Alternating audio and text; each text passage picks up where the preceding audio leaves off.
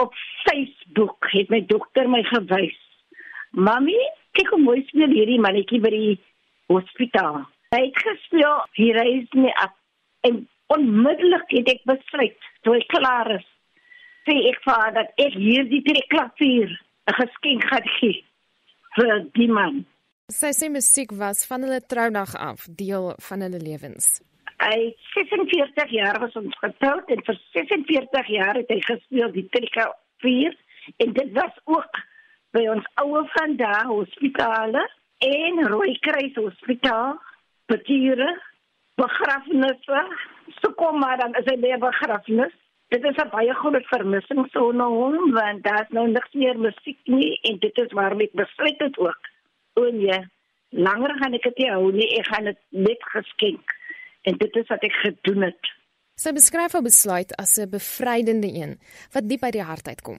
En soos ek nou hier praat, lê dit die trane wil kom my in my oor kom. Toe ek hom nou hoor vir die eerste keer. Ek hoop ek kan gebruik maak en dat hy sal speel tot eer van die Here vir al die jare wat hy nog kan speel. Ek dink dit is net iets goed, dit iets is iets wonderlik. Gous dit glo Lukas en Dennis het iets in gemeen. My Dennis, hy sal saam gejoin het net waar meneer Lukas moes gegaan het, sou hy gegaan het. Ek sê ons gaan na begrafnis, uh, soek ek waar is die man nou? Hy speel aan 'n begrafnis.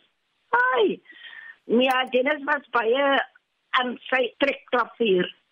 En hy het maar ook maar oral gegaan. En ek kon maar niks sê dit gaan jy maar 70 jaar oud. Dit was sy laaste wat hy gespeel het op sy trekklavier. En net 15 dae na het hy gesterf. Hy was eintlik 'n sanger, maar ek het gesing en hy het gespeel. Sondag oggende, it is well with my soul and um I will serve thee. Dit is sy liedjies wat hy gespeel het. Die gebaar het Dupree diep getref. Wat dit veral treffend maak is dat ehm um, dit 'n breindame is wat nie twee keer dink om dit vir my wat 'n wit ouetjie is te gee nie en dit gaan oor rassegrense wat vir my nogal onderskragend is in net toon hoe bemoedigend en uitkringend hierdie hele storie is.